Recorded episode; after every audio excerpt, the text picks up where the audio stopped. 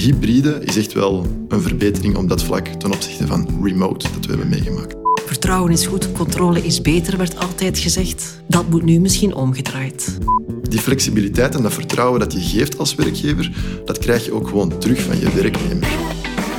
U luistert naar de HR Magazine podcast. Een bekende journalist interviewt een expert over een actueel HR-thema. Deze gast inspireert u over wat beweegt in het HR-landschap en geeft een blik op de toekomst. Uw gastvrouw is Liesbeth Imbo. Welkom bij een nieuwe HR-podcast met vandaag één centrale gast, Jeremy van Leekwijk, Global Account Manager bij Cross Knowledge. Dag Jeremy, wat doen jullie? Dag Lisbeth, dankjewel. Wel, wij bij Cross Knowledge, um, wij zijn eigenlijk een partner die wereldwijd bedrijven helpt in het voortdurend ontwikkelen en aanleren van de most in-demand skills. Een beetje dat levenslang leren, zeg dat maar. Dat levenslang leren, inderdaad. En dat doen we eigenlijk op verschillende manieren. Dat doen we door enerzijds platformen met juiste leerformaten aan te reiken. Met daarin ook natuurlijk de content die van belang is voor de specifieke bedrijfsuitdaging van de bedrijven. En dan nog in combinatie met de expertise van onze experts en vakkundigen ja. die daar het bedrijf bij helpen. Dat past dus in het thema van vandaag. Daarom ben je hier natuurlijk ook. Dat is uh, hybride werken en dan ook hybride leren. Laten we beginnen met dat Inderdaad. hybride werken. Iedereen door COVID-19 weet intussen wat dat is, hybrid gaan werken. Goeie zaak, is dat dan misschien een van de weinige goede zaken misschien van heel deze pandemie? Dat is een heel goede zaak, uh, toch op zijn minst in mijn ogen. Uh, ik hoop dat daar de meeste mensen en meeste luisteraars ook mee, uh, mee eens zullen zijn. Natuurlijk hebben we ook niet altijd hybride werken ervaren tijdens de pandemie. Hè. Het is maar sinds kort dat we echt worden opgelegd om verschillende dagen van thuis te werken, maar ook nog verschillende dagen naar kantoor te mogen keren. Een hele lange tijd hebben we echt van thuis moeten werken voor een heel groot deel. Dat zien we natuurlijk als volledig remote werken. Ja, en dat, en dat is, is niet nog, te verkiezen. Dat is nog een groot verschil met echt hybride ja. werken. Hè. Um, te is nooit goed, in geen enkel geval. Um, dus helemaal doorstaan in de manier van altijd op kantoor werken naar altijd van thuis werken, dat is een te grote verandering met te veel negatieve connotaties en te grote veranderingen en te grote uitdagingen daaraan gekoppeld. Dus hybride is echt wel een verbetering op dat vlak ten opzichte van remote dat we ja. hebben meegemaakt. Dus het is wel goed, want inderdaad, we zitten terug in een systeem dat we uh, één, max twee dagen terug naar kantoor mogen. Dat is wel belangrijk dat de overheid dit keer dat terugkeermoment heeft ingebouwd in de maatregelen. Die balans is heel belangrijk. Dat bleek ook uit onderzoek dat wat de mensen het meest missen aan deze thuiswerksituatie, het terug met collega's kunnen samenkomen, soms ook gewoon een verandering van omgeving terug te ervaren. Want telkens van thuiswerken is een bepaald comfort, maar na verloop van tijd ben je ook wel beu gezien op je eigen living, keuken en bureau. Ja. Um, dus het is gewoon wel fijn om terug te kunnen keren naar die werksituatie, naar uh, echt een fysieke plek die je kan delen met collega's. Maar wat misschien wel is veranderd, zeker als we het nu inderdaad zo gestructureerd moeten gaan doen, mm -hmm. is dat er veel meer moet nagedacht worden wanneer kom ik naar kantoor en wat doe ik van thuis uit? Klopt, ja. Dat moet toch echt wel beter voorbereid worden ten opzichte van vroeger. Vroeger was het maar vanzelfsprekend dat je gewoon... Je kwam. Naar, je kwam naar kantoor en je deed daar wat je moest doen. En dat takenpakket is daarom niet veranderd, maar het moet wel anders en beter worden ingedeeld. Um, en vooral zo efficiënt mogelijk worden ingedeeld. Dat de momenten dat je naar kantoor komt, dat je die ook optimaal benut. Dat je daar niet het werk gaat spenderen, dat je net zo goed thuis geconcentreerd op jezelf zou kunnen doen. Maar de momenten dat je dan met collega's en peers kan samenzitten, dat je die echt wel ten volle benut. En misschien zelfs nog beter voorbereid komt naar die meetings dan dat je voordien ja. kon doen. Vergt wellicht toch ook uh, op het vlak van leidinggevenden en HR ook een enorme aanpassing. Want het is inderdaad niet alleen maar kijken van... Uh, komen ze op dinsdag en donderdag naar hier, maar wat komen ze hier dan op dinsdag en donderdag doen? Zeker en vast. Dat voelen wij zelf ook in de aanvragen van onze klanten, waar we ze bij kunnen helpen. Er komen tal van vragen naar voren van hoe kunnen wij bijvoorbeeld onze medewerkers hun welzijn stimuleren?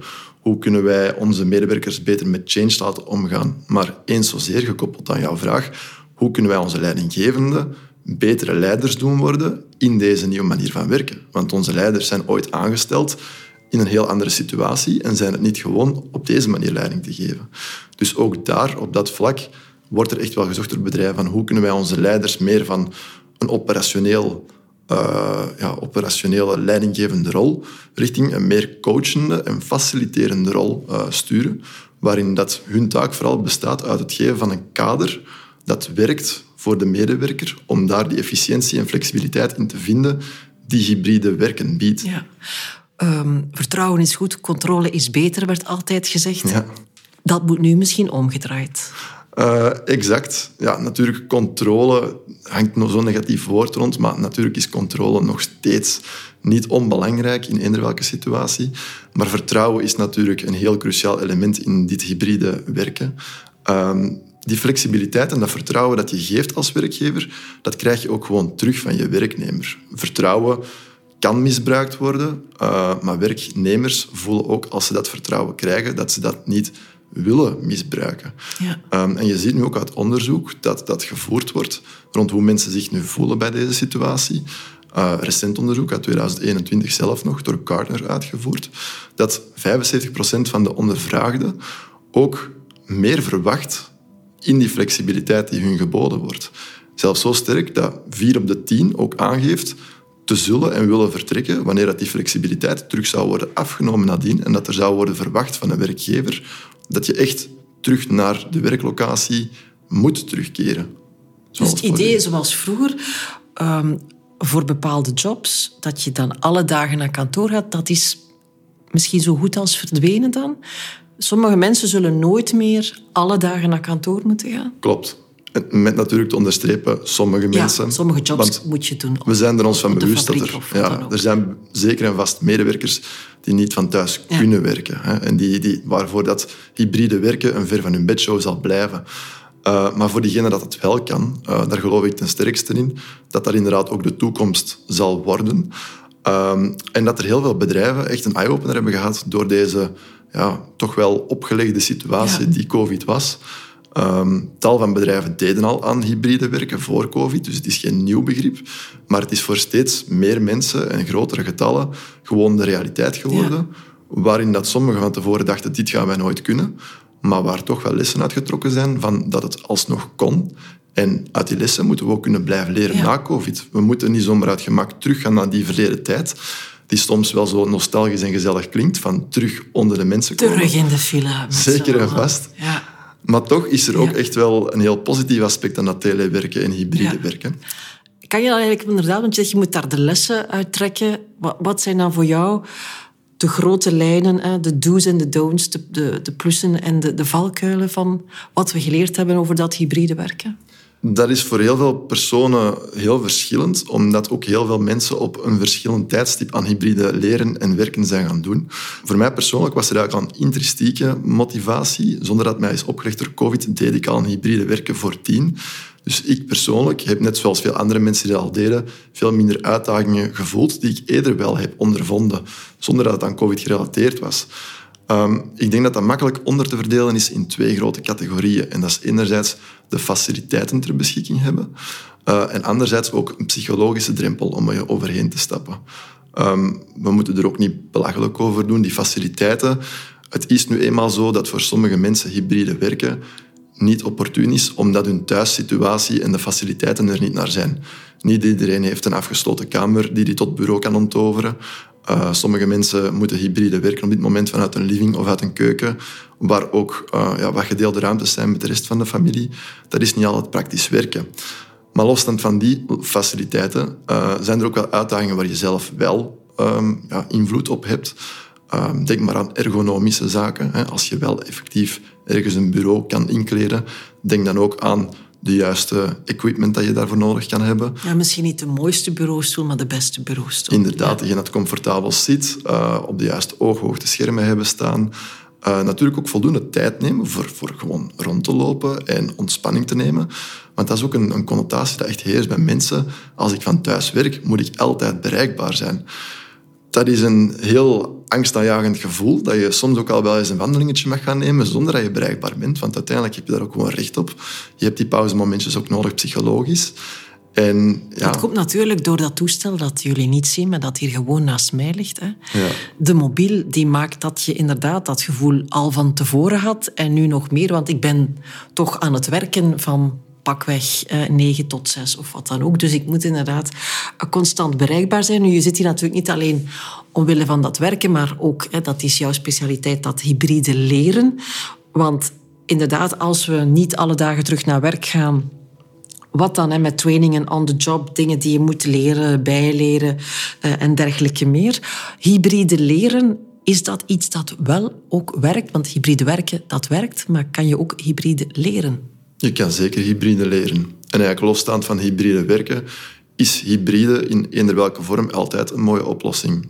Kijk naar de automobiliteit, waar hybride ook een verbetering is en een vooruitgang. Dat is natuurlijk een heel ander soort hybride. Uh, maar op vlak van hybride leren, uh, daar gelden eigenlijk dezelfde belangpunten als bij hybride werken. Met hybride leren leggen we dan vooral de focus op wat doen we digitaal en wat doen we in klasactiviteit. Wat doen we onder de mensen, fysiek ter plekke. En die combinatie proberen in te fietsen in leren, is echt van cruciaal belang om leren ook impactvol te laten worden. Dus het is belangrijk om juist te kiezen wat doe ik online en wat doe ik fysiek. Maar daarmee zeg je wel, ook hier is hybride inderdaad de beste vorm. Ja. Beter dan volledig online, maar ook beter dan volledig, fysiek. Ja? Zeker en vast. Ja. Waarom? Um, om verschillende redenen. Uh, maar vooral ook effectiviteit en efficiëntie um, en impact. Als we nu even terugkijken naar volledig ter plekke, um, ja, dat uit zich vaak in momenten waar veel mensen te samenkomen in grote getalen. In leuk, zullen veel mensen zeggen. Dat is het leuke aan de opleiding. Ja, momentje om even tot rust te komen en vooral te luisteren, maar weinig interactiviteit te hebben tot de materie.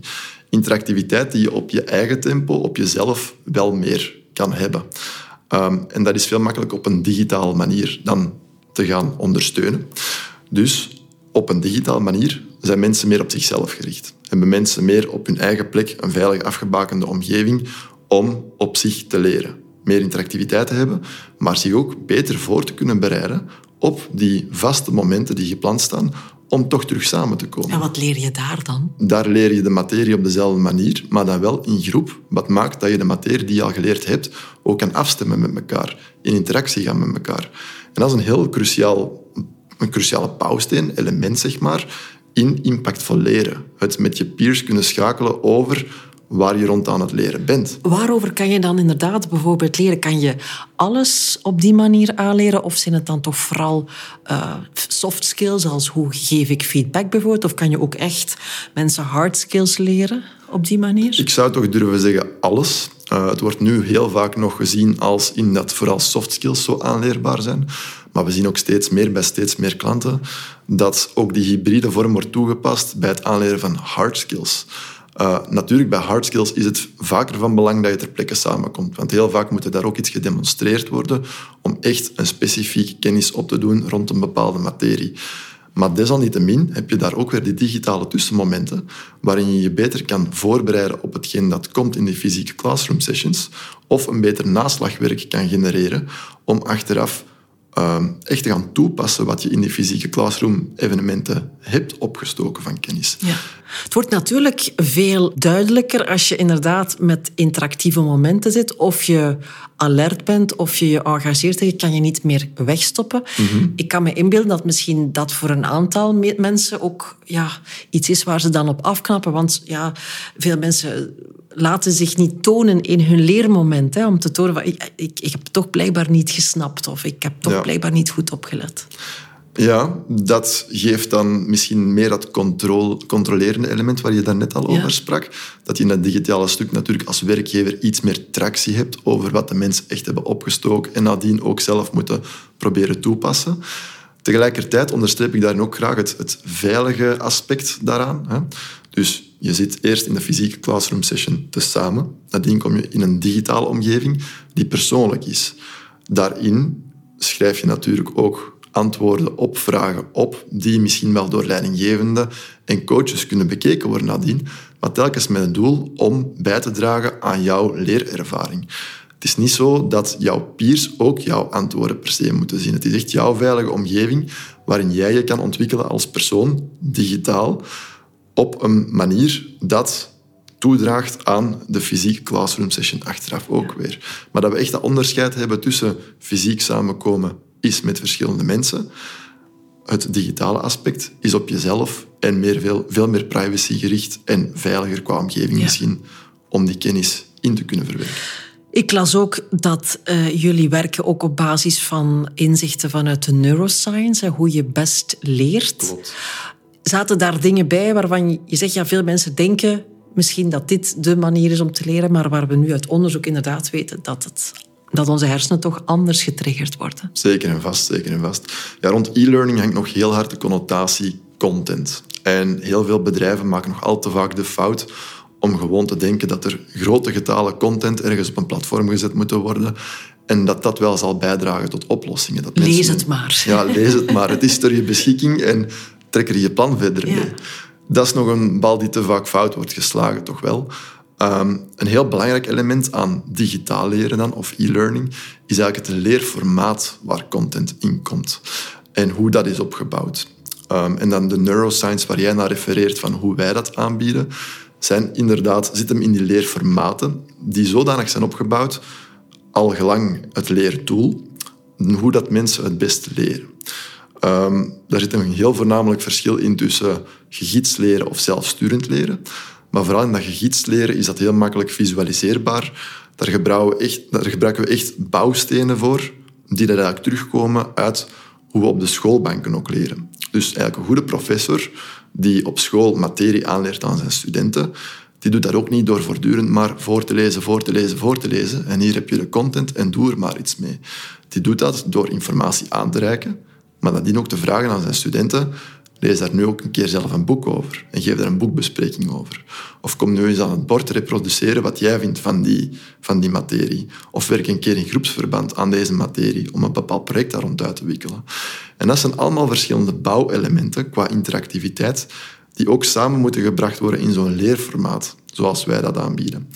Um, en daar zit hem echt die neuroscience ook achter, van hoe leren mensen het best en hoe kan je leren het best impactvol maken en hoe breng je dat allemaal samen in een leerformaat, ongeacht de content waar het over gaat? Ja, is het dan ook hard aanpassen voor degene die inderdaad dat uh, leren begeleidt, die misschien normaal waren om uh, op de vloer in een traject van acht sessies uh, iets aan te leren aan hun nieuwe collega's? Zeker en vast. En je voelt zelfs nog meer weerspannigheid onder die groep ja. dan onder de lerende zelf heel vaak. Omdat de lerende zelf, voor die persoon zou het niet mogen uitmaken hoe leren wordt aangeboden, als het op zich relevant genoeg is voor die persoon. Dus die persoon moet altijd de relevantie ervan inzien, moet er ook engaged toe zijn tot er aan te willen leren. Hè, want openstaan voor leren is natuurlijk ook een belangrijk element dat uit jezelf komt. Maar voor de rest is relevantie cruciaal. En of dat nu hybride, remote of ter plekke gedaan wordt, dat maakt op zich een leuner vaak weinig uit. De efficiëntie zit hem heel erg in hoe wordt dat ondersteund en gedragen door een coach natuurlijk. En dat zijn vaak mensen die ook niet altijd gewoon zijn geweest om hybride te gaan aanleren. Um, en ook voor die mensen is er natuurlijk begeleiding nodig, omdat ook voor hun dat een nieuwe manier van werken is. Um, en ook ja, leren valt en staat vaak bij een goede coach en valt en staat ook bij een goede begeleiding hybride. Grote voordeel van zulke coaches en facilitatoren is dat er veel meer efficiëntie met hybride leren gepaard gaat. Dus je kan in dezelfde tijd een veel groter doelpubliek bereiken en ook veel meer interactie creëren met diezelfde uh, ja, lerenden. Um, maar tegelijkertijd ja, is het wel een andere manier, want waar zij vaak gewoon waren van alles ter plekke te gaan uitleggen in een klaslokaal waar je ook wel meer voeling met je publiek hebt, zit er nu ook wel een digitaal luik achter, waar ook wel mensen achter schuilen. Maar het is natuurlijk, er zit een soort muur dat die computer vormt wel tussen. En die interactie, daar moet je wel mee leren leven, mee leren omgaan. En daar ook mee aan de slag kunnen op termijn om hybride een hele goede coach te kunnen zijn. Dus eigenlijk, als ik jou goed aanhoor, dan heb je mij verteld dat hybride werken, dat is here to stay. En we zullen wellicht, toch mensen die, die, die kantoorjobs doen, klassiekere uh, kantoorjobs, zullen nooit meer 100% eh, terug naar kantoor keren. Is dit volgens jou ook zo met dat leren? Zullen we ook, uh, dat levenslange leren zal ook een hybride leren blijven? Daar ben ik van overtuigd. Um, totdat natuurlijk de situaties in werkomgevingen ook weer drastisch kunnen en zullen veranderen over honderden jaren. Maar voor nu, in de komende decennia, tijdens ons verdere mensenleven, zal dat zeker en vast wel uh, heel impactvol blijven om hybride te blijven leren. Uh, en om echt op die manier zoveel mogelijk impact te proberen genereren. Ja, en dat zijn dan ook de interessante momenten achter onze computer, heb ik begrepen. Dus uh, we kunnen er misschien heel veel van leren. Haha. Uh, Jeremy van Leekwijk van Cross Knowledge, dankjewel om mee te doen aan deze podcast. En u uiteraard hartelijk dank om helemaal tot het gaatje te luisteren. Graag tot een volgende.